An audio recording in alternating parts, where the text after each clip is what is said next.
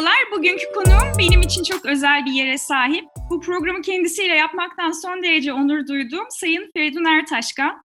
Feridun Bey, Türkiye'nin caza dair en önemli internet platformu, caz portalı olan Jazz Colin ve Caz FM'in kurucusu. Bunlarla birlikte her hafta çarşamba günleri Radyo 3'te Caz Almanak programını hazırlıyor ve sunuyor kendisi. Hoş geldiniz Feridun Bey.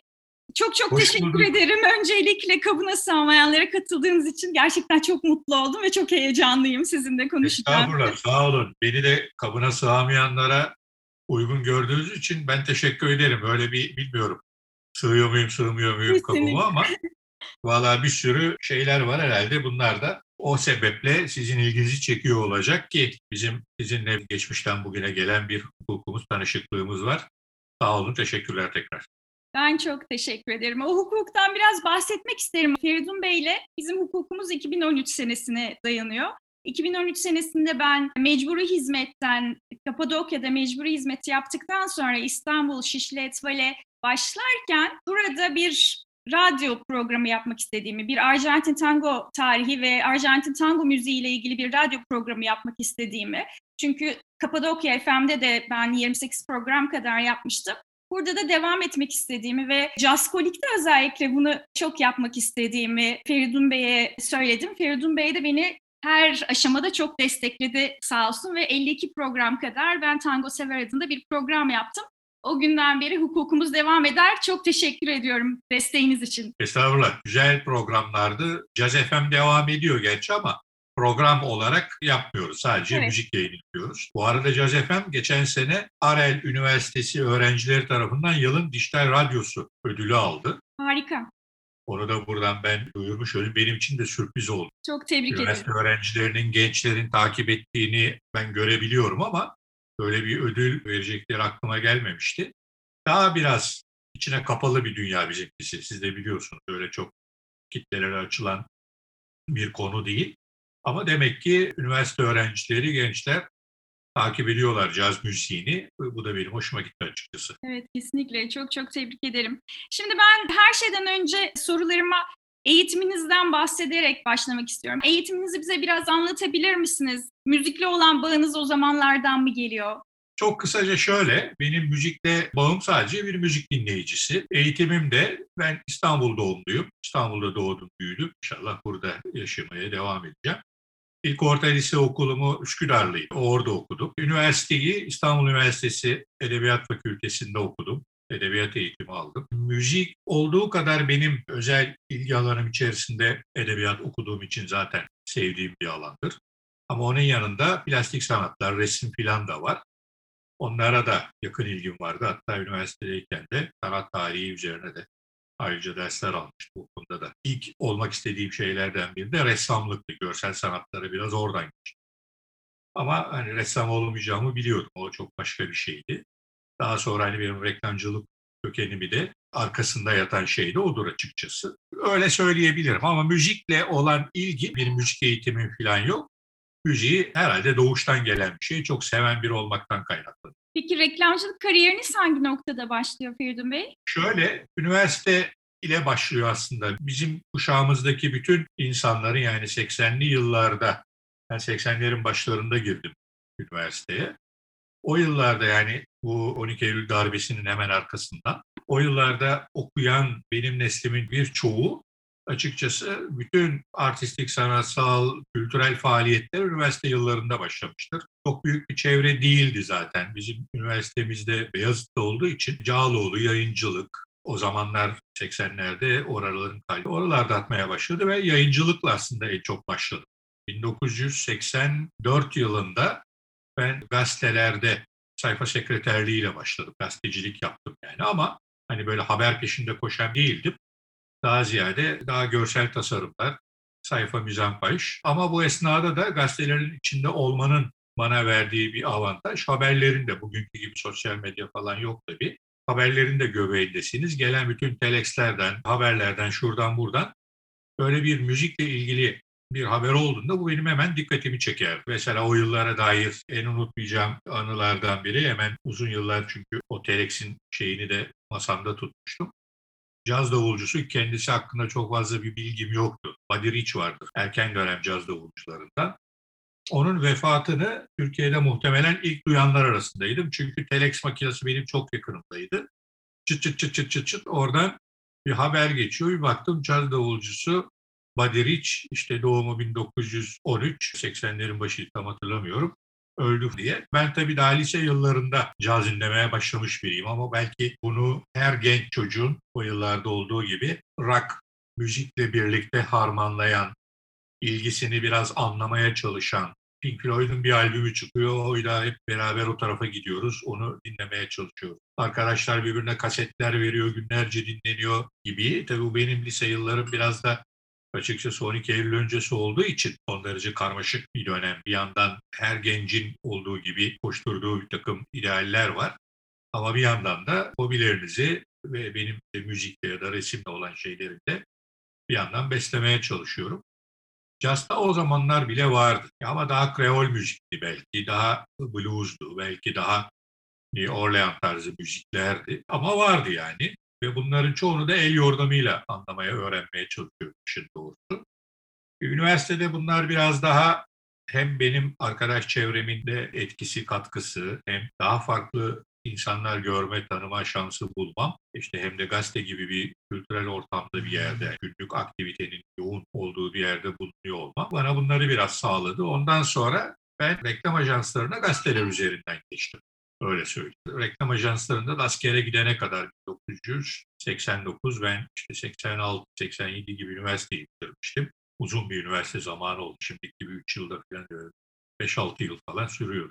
Ondan sonra bir süre daha reklamcılık yaptım. 89'da işte askere gittim. Ondan dönüşte de tekrar reklamcılığa devam ettim. Bir de Rax Müzik'te çalıştığınız yıllar var değil mi? Müzikle olanınız burada, bağınızı burada çalışmak nasıl bir noktaya taşıdı Feridun Bey? Şöyle, o da bana gelen bir teklif üzerineydi. Reklam ajanslarında açıkçası bayağı yoğundu. Hatta orada da mesela son çalıştığım reklam ajansında Plastik Sanatlar dergisi çıkarmıştık biz. Onları belki fırsat olur daha sonra daha ayrıntılı konuşuruz. O birbirinden ayrı gitmedi. İç içe gitti. Hem işim oldu hem hobim oldu. Öyle söyleyeyim. Müzikte de çok cazip bir teklif geldi. Rax Müzik 90'lı yılların bu pop patlamasının en önemli şirketidir. En güçlü, en muktedir şirketidir. İzmir kökenli bir firmaydı.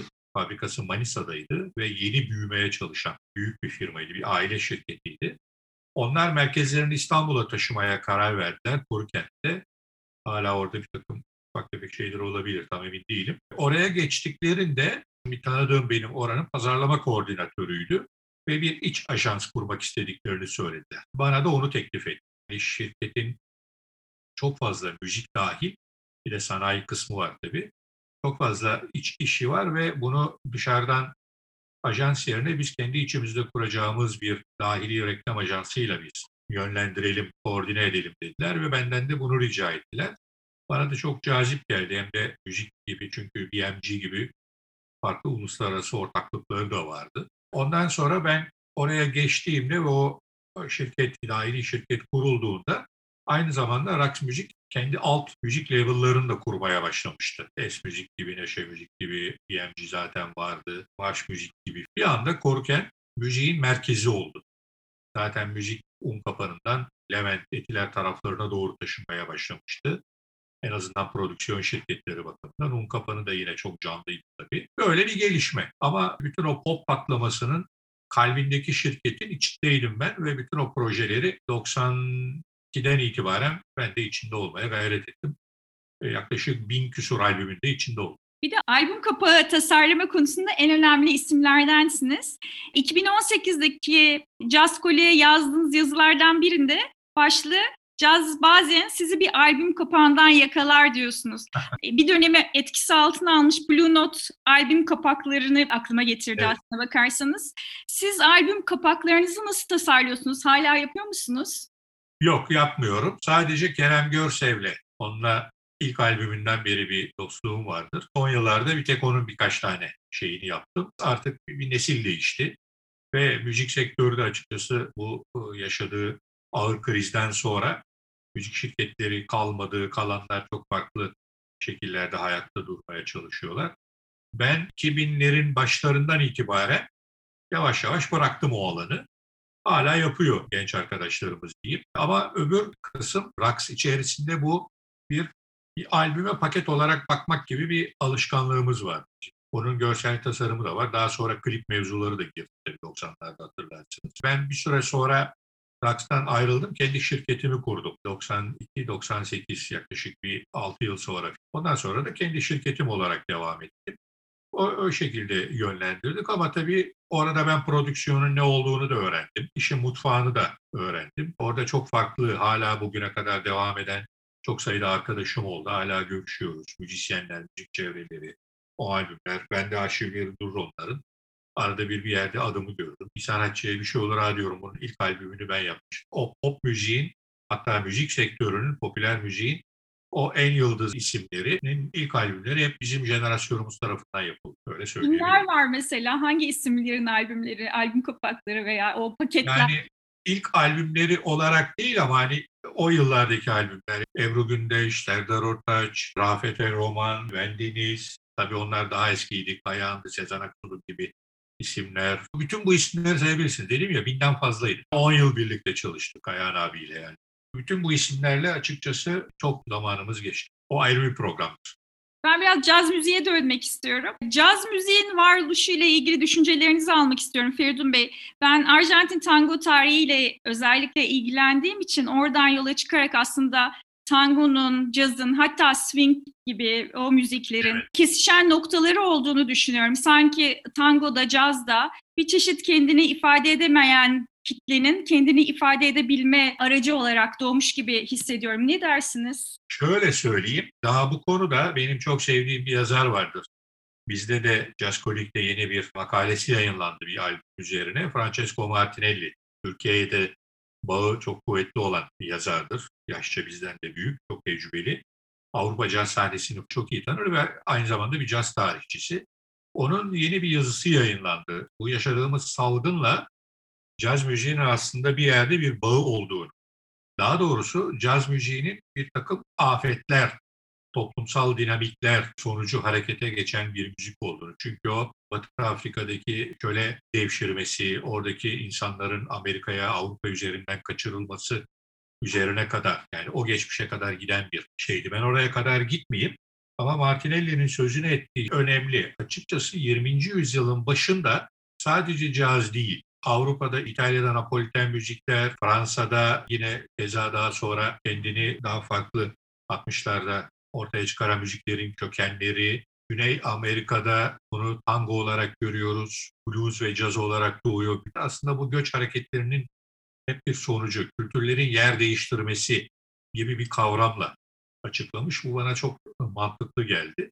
Caz da baktığınız zaman New Orleans'da bu konuda ben de bir yeni yazı yazdım. Türkiye'deki cazın, caz tarihinin gelişimine ilişkin yakınlarda yayınlanacak yanlış bilmiyorsam. Bu hep 20. yüzyılın, 19. yüzyılın sonu 20. yüzyılın başındaki nüfusların yer değiştirmesi. Ama bunun içinde savaşlar var, iyi olmayan şeyler var, hastalıklar var, salgınlar var.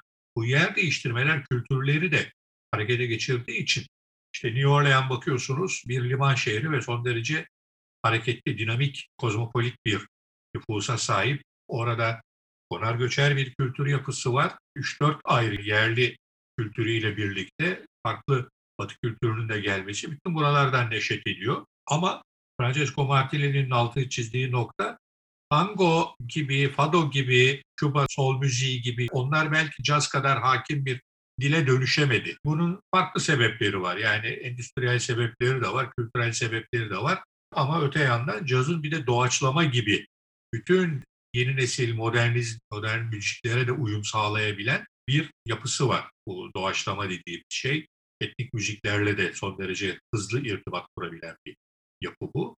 Bu sayede açıkçası diğer türler daha alt planda kalırken caz bir tür baskın bir müzik haline geldi ve dünyada hala öyle. Jazz Koli'ye gelirsek, T24'te bir yazınız var. Orada da diyorsunuz ki caz kalbe vurur diyorsunuz. Sizin, siz de tutkunuzu yaşatmak için mi bu portalı hayata geçirdiniz? Jazz Koli'yi kurma fikri nasıl bir motivasyonla ortaya çıktı? Çok kısaca onu söyleyeyim. O yazıyı İstanbul Jazz Festivali için yazmıştım. Sağ olsunlar onlar böyle bir seri hazırlamıştı. Ben değil başka arkadaşların da yazıları vardı orada. O güzel ben böyle yazarken ilk başta hani yazıyı toparlamak falan böyle kafanızda kurguluyorsunuz. Ama daha sonra bir şekilde aklıma geldi. Caz kalbe vurur.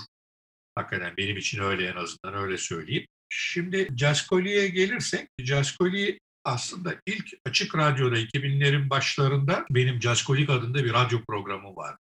Daha ortalıkta bu Jazzkolik portalı yoktu. İlk varoluşunun kaynağı açık radyoya gider. Ama ben bir caz tutkunuydum. Böyle bir şeyi zaten bir şekilde yapacaktım herhalde. Ama yönlendirmeler ve tesadüfler, olaylar zinciri böyle gelişti. E, tabii orada o ben Jazzkolik programına başladığımda o kadar güzel reaksiyonlar aldım ki bunları hızla bir şekilde benden ya programındaki müzikleri dinleyemiyoruz. Bunları bir o zamanlar daha böyle WordPress falan gibi bir şeyler vardı. Buralarda bize paylaşsana dediler. Ben de dedim ki ya dedim öyle bir şey yapacağım bir portal yapayım. Orada iletişimimiz gelişsin. Ve 2009 yılıydı. Böyle bir şeyi açtım. O sıralarda işte Çıkar programı da bitmişti açıkçası. Hani oradaki enerjimi, o programa harcadığım enerjiyi birden buraya yönlendirdim. Ve açılır açılmaz da gördüğüm muazzam ilgi beni şaşırttı. Yani böyle bir talep varmış demek ki ben çok fazla gözleyememişim. Beni biraz daha ciddi olmaya yönlendirdi ve 2020'de 11. yaşımızı kutluyoruz.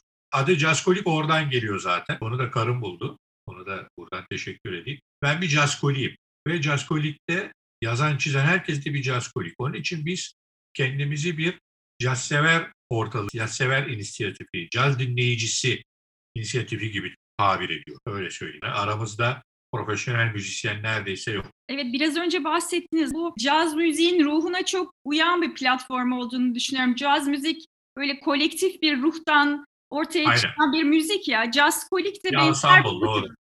Evet benzer bir motivasyonla büyüyor değil mi Jazz Kolik'te? Aynen. Kolektif çalışma ile ortaya çıkan bir oluşum. Aynen. Zaten hemen ilgililerini çekiyor. Daha ben bu siteyi açtığım andan itibaren işte gazetelerde sağ olsun haberler yapıldı. Bütün benim tanıdıklarım, tanıdıklarımdan daha çok da tanımadıklarım ve Jazzkolik sayesinde zamanla tanıdığım oradaki yazar çizer arkadaşlarımın hepsi öyle. Son derece gönülden, içten benim kadar hissederek ki bunları şimdi tek tek isim sayarsam olmaz ama oldukça siz de öyle. Mesela siz de değil mi? Bu sayede tanıdık biz. Ee, ve hala da böyle gidiyor. Hala her gün mailler geliyor. Yazı yazmak istiyoruz ya da program yapmak istiyoruz ya da çalışmalarını duyurmak isteyen. Yani burası o anlamda bir ev sahibi de oldu. Buradan da açıkça davet ediyorum bu şekilde kendilerini ifade etmek isteyenlere de açık. Peki sizce neden başka bir jazzkolik yok? Neden ikinci bir jazzkolik yok? Ya bu zor bir iş. Çok açık söyleyeyim. E, çok zor bir iş. Bir yerde deli işi, bir yerde sabır işi. Çünkü hiçbir maddi getirisi yok. Bunu söyleyeyim. Hiç kimse 10 yıl, 10 küsur yıl böyle bir şeyi ekonomik bir altyapı oluşturmadan sürdürmez. Ben de onun için zaten minimum tutmaya çalışıyorum. Jazzkoli'yi böyle bir ticari bir portal gibi değil de bir kültürel alan gibi olması. Onun için mesela ilk başlarda o hatayı yaptık. Böyle bir yığın Google ilanları, yok reklamlar, onların hepsini temizledik artık. Sadece normal gelen müzikle ilgili içerikler varsa elbette onları yayınlıyoruz. Çünkü bir yandan da hayatta kalmamız, sürdürmemiz lazım bunu. Açıkçası hani buna ben her sabah yeni yapmışım gibi uyanarak başlıyorum. İkinci bir kişi bilmiyorum çıkar mı çıkmaz mı ya da ne kadar zamanını ayırır cevabı kolay bulunacak bir şey değil. Ben de ne kadar yaparım onu da bilmiyorum. İnşallah 20. yılını kutlarız. ha, inşallah. Sizin bir söyleşinizi dinledim. Orada diyorsunuz ki ben her akşam yatmadan önce Jazzkol'in bütün sayfalarını gözden geçiririm. Hepsini kontrol eder ondan sonra yatarım diyorsunuz. Evet. Gerçekten çok büyük. Tabii, tabii. Bakıyor benim çocuğum gibi yani öyle görüyorum ben. Hakikaten bakarım. Bizim teknik arkadaşımız var sağ olsun. Tabii onun da desteğiyle. Çalışıyor mu, çalışmıyor mu, nerede eksik var? Şimdi biz 2020 yılında yeni bir tasarıma geçtik. Biraz da el yordamıyla öğrendik açıkçası bu işleri. Ve bütün bunları hiçbir destek almadan tümüyle bir jazzsever inisiyatifi o anlamda gerçekten. Benim hayatta tuttuğum çalışma ve arkadaşlarımın çok yoğun ve büyük destekleriyle elbette hani daha büyük bir ekonomik profil oluşturabilsek çok daha geniş düşünebilirdik. Mesela bir İngilizce versiyonu yapmak isterdim açıkçası daha uluslararası olması açısından. Ama şu anda ona ayıracağımız ne kaynağımız ne zamanımız var ne de personelimiz var. Hep erteleyerek devam etmek zorunda kalıyoruz. Peki 11. senesinde Jazzkolik için hayal ettiklerinizden hangileri hayata geçti? Şöyle söyleyeyim, hayal ede ede ilerledik. Açtıktan ve hayata geçtikten sonra gördüğü ilgiyle biraz şekillendirmeye çalıştım ben.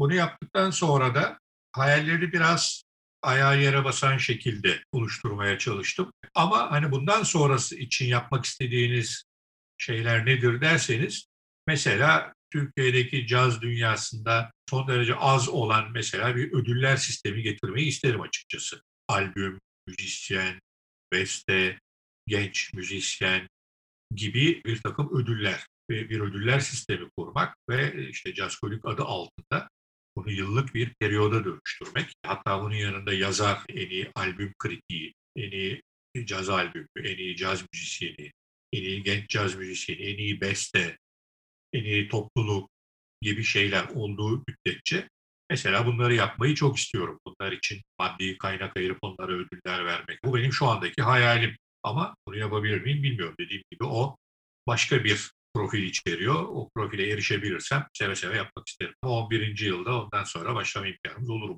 İnşallah. İnşallah. Caz müziği ve tarihiyle ilgili üniversitelerde farklı farklı programlar görmeye başladık. Caz kolik olarak bir caz okulu açma fikri sizin için nerede duruyor Feridun Bey? O bana çok uzak. Okullar var. Evet. Biz caz koliği açtığımızda açıkçası Bilgi Üniversitesi dışında pek bir şey yoktu. Devlet konservatuarları da caz bölümleri o sıralarda yanlış bilmiyorsam henüz açmamıştı ama şimdi konservatuarların da caz bölümleri açılmaya başlandı. İstanbul'da var, İzmir'de var diye biliyorum, Ankara'da var. Hatta Müzik Üniversitesi kuruldu. Bizim sevgili Alper Maral da orada görevli dersler veriyor, profesör. Ben onunla uzun zaman, 3 yıl falan seminer verdim. Yani bu tip şeyleri yapan çok daha donanımlı yerler var. Buraların gelişmesi bizim için daha önemli. Biz jazzkolik olarak olsa olsa en fazla seminerler vererek destek olabiliriz. Bu da üniversitelerde olmaz zaten. Daha bağımsız olur. Ben şahsen onu Kadıköy Belediyesi'nde yaptım. Akbank Sanat'ta yaptım. Başka yerlerde de oldu. Kadıköy Belediyesi'nde yaptığımız 3 yıl sürdü. O son derece önemliydi. Murat Beşer, Alper Maral ve ben. Akbank'ta yaptığımızda bir sezonluk bir şeydi. Teklif gelirse bundan sonra da yaparız. Ama bunlar caz dinleyicisiyle bizim gibi cazla biraz daha yarı profesyonel uğraşan, biraz daha editoryal bakan insanları, caz tarihine biraz daha meraklı insanları buluşturan şeyler olursa güzel olur. Ama eğitim tabii çok başka bir şey. O ayrı bir isim. E şimdi bir şeyi çok merak ediyorum. Onu size sormak istiyorum. Şimdi bir enstrüman çalmıyorsunuz ama çalsaydınız ne çalardınız? Sizin cazda bir kahramanınız var mı? Ya bu karakter de benim kahramanım diyeceğiniz birileri var mı? Çok var. Caz tarihine açık söyleyeyim hani benim kadar çok odaklanırsanız bir sürü insanı seviyorsun. E bunların içerisinden şu şu şu demek ama hani hayat hikayelerinin de sebep olduğu şekilde her nesilden çok fazla insan var. Ama mesela bir Art Pepper benim için çok sevdiğim biridir. Hala da öyledir. Türkiye'de pek hak ettiği kadar tanınmıyor. Ama her jenerasyondan isimler var açıkçası. Saymaya kalksam belki şimdi onun yanına bir sürü insanı koyacağım. Ama her nesilden mutlaka çok sayıda var. Billie Holiday mesela benim çok özel sevdiğim isimlerden biri. Caz seslerinden. Herkes genellikle böyle Ella Fitzgerald falan der ben Billie Holiday derim. Böyle böyle isimleri çok bulabiliriz. Bunlar hakikaten çok artırır, çok zevkli bir sohbet olur. Bir de bu pandemi dönemine gelirsek, bu dönemde müzisyenler, sanatçılar çok çok etkilendiler. Evet. Sanki vazgeçilecek ilk grup olduklarını gösteren bir dönem oldu bu. Bu süreç geçince sizce bu sanata üretim olarak mı dönecek yoksa küskünlük olarak mı yansıyacak? Ne düşünüyorsunuz? İkisi de olacak. İkisi de olacak. Bu dönemi biz daha henüz her alanda yani sadece müzik sektörü ve müzik olarak değil de diğer tüm alanlarda da hayatımızda da öyle. Kendi kişisel hayatımızda da öyle. İyi tahlil edebildiğimize inanmıyorum. Çünkü hala içinde biz bunu yaşıyoruz. İçinde yaşadığımız için de etkilerini analiz etmemiz kolay olmayacaktır. Bundan bir süre önce Pozitif'in kurucularından Ahmet Ulu'yla yayınladıkları bir albüm nedeniyle bir sohbet etmiştim. Ahmet orada güzel bir şey söylüyordu çok fazla şey değişime uğrayacak. Özellikle kurumlar bakımından söylüyordu. Pek çok arkasında güçlü desteği olan kurumlar hayatta kalmaya devam edecek. Ama o desteği alamayanlar maalesef varlıklarını sürdüremeyecekler. Müzisyenler için de açıkçası çok zor bir süreç oldu. Yani çoğu arkadaşım olduğu için biliyorum. Bu dönemde hayatta kalmak için mesela daha yeni bir rapor yayınladık buradan onu söyleyeyim. Bu rapor açıkçası Ankara'da yapılmış. Anadolu Müzik Kültürleri Derneği adını özellikle vermek istedim çünkü. Pandemi salgın döneminde müzik sektörünün durumunu, müzisyenlerin durumunu anlatan, açıklayan bir rapor yayınlamış. Orada çok net görünüyor. Buradan dinleyicilerimiz bizdeki habere tıklayarak o raporu, ücretsiz bir rapor bu hemen indirip müzisyenlerin durumunu görebilir. Mesela çok büyük gelir kayıplarına uğradılar. Bütün birikimlerini kaybettiler. Mesleği bırakanlar oldu. İstanbul'a yerleşmiş olanların tekrar ailelerinin yanına ya da başka illere göç edenler oldu. İnanılmaz bir şey ve bunun henüz muhasebesi, hasarı ortaya çıkmış değil. Bütün geçmişini sıfırlayanlar oldu. Hatta o raporda belirtiyor. Bütün birikimini kaybettiği gibi bu süre zarfında kaybettiği birikiminden daha fazla borçlandı insanlar. Ve bunlar çok ağır sonuçlar. Açıkçası yetkililer, devlet, bakanlık hak ettiği kadar sahip çıkmadı. Yerel olsun, devlet olsun, merkezi olsun. Bu, bu insanlar ve bu sektör evet terk edildi yani. Bu son derece kötü bir sonuç. Müzik hep zaten böyle bir eğlence gibi görüldüğü için bunun bu şekilde algılanması o bu sektörden ekmek yiyen yüz binlerce insan var. Bu insanlar esnafa elbette özen göstereceksiniz. Onları hayatta tutacak, ayakta tutacaksınız ama müzisyen bu özeni, bu ilgiyi niye hak etmiyor? Bu çok saçma. Bunların cevapları hiçbir şekilde verilmedi ve bu kayıpların muhasebesi hem kişisel olarak hem de sektörel olarak yapılmadı. Anca anca yeni yeni çıkıyor. İşte bu rapor onlardan biri belki. Açıkçası bunların üzerine daha fazla düşünmek, tartışmak, konuşmak ve varsa çözüm üretmek gerekiyor. Böyle söyleyebilirim. Bu çok ağır bir sonuçtur, sorundur ve bu henüz daha çok konuşulmadı. Bunun etkilerini biz salgın bitsin diyelim bir 5-6 yıl, 10 yıl daha yaşayacağız. Öyle görünüyor. Ama bir yanıyla da bu belki de sanata da yansıyacaktır. Onu şimdiden kestiremem. Şu anda mesela bakıyorsunuz hala albümler çıkıyor ve insanlar albümleri oldukları yerden kaydediyorlar. Evlerinden kaydediyorlar, stüdyo. Belki çoğu müzisyenin evi stüdyo aslında.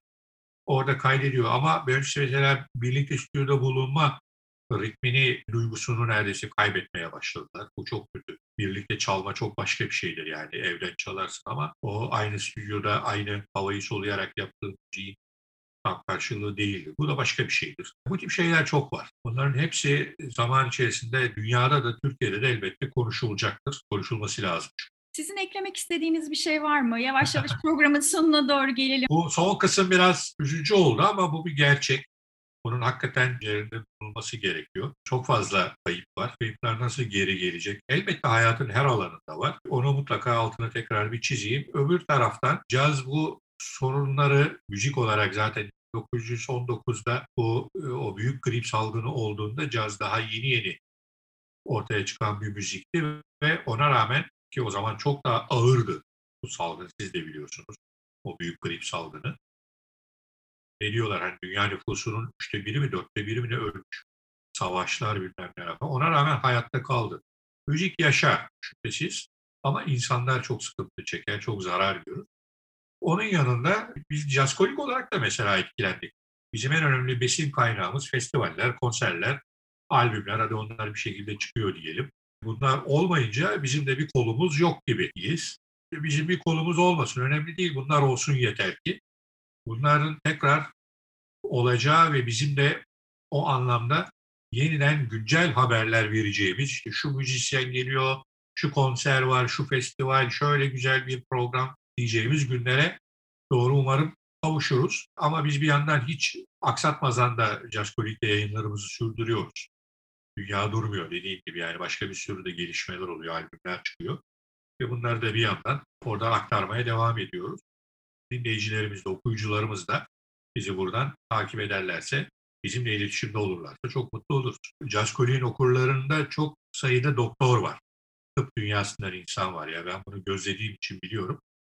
Yani sizin ait olduğunuz kesimin kültüre sanata merakı ve katkısı çok önemli. Hatta keşke bu konuda ay ay böyle araştırıcı bir haber yapsam mesela doktorlar sanatı ne kadar destekliyor? Bilet alarak, albüm alarak, konsere giderek, bu etkinliklere destek vererek, kendi birikimleriyle katkıda bulunarak diye. Mesela akademisyenlerle ilgili böyle bir çalışmaya başladık sayılır. Ama tıp dünyasıyla da mutlaka yapmak isterim. O konuda da konuşuruz sizinle. Kesinlikle, kesinlikle. Çünkü doktor olan insanların zamanla ilgili hep böyle bir koşuşturması, kısıtlı zamanlarda bir şeyler yaratma hali olduğu için o kısıtlı zamanları en maksimumda değerlendirebilme kaygıları, öyle bir çabaları oluyor tıp insanlarının. Benim çevremdeki arkadaşlarımdan da gözlemlediğim. Daha geniş zamanlarınız olduğunda aslında çok daha bonkör davranabiliyorsunuz, çok daha Öyle. zamanını, kıymetini bilmiyorsunuz ama tıp insanları çok zamanın kıymetini bilen insanlardır ve o küçücük zamanlarını en kıymetli ne şekilde değerlendirebilirlerse o bir değer yaratmak için ellerinden geleni yaparlar. Doktorlar arasında çok var. O benim dikkatimi çekti. Bu belki tıp fakültelerine dayanıyor. Belki orada bir kültürel damar var ve oradan besleniyorsunuz ve oradan "Ha, ben nasıl üniversite ile bu alanda çoğalmaya başladım, geliştirdim. Mutlaka sizin de öyledir. Öyle, düşünüyorum. Şimdilerde tabii ki çok daha farklı kulüpler de kurulduğunu ve daha zenginleştiklerini Evet. düşünüyorum. Evet. Evet, çok Doğru. sağ olun. Sizi görmek, sizinle konuşmak her Sağ zaman olun. çok büyük bir keyif. Eksik olma. Çok güzel bir sohbet oldu benim açımdan da. Umarım bundan sonra farklı sebeplerle yeniden görüşürüz. Tekrar bunları paylaşırız. Birlikte bir şeyler yaparız. Bu çalışma benim açımdan da kendimi şöyle bir tekrar gözden geçirmem açısından iyi oldu. Çok teşekkür ediyorum. Ben çok teşekkür ederim. Hoşçakalın. Hoşçakalın. Görüşmek üzere.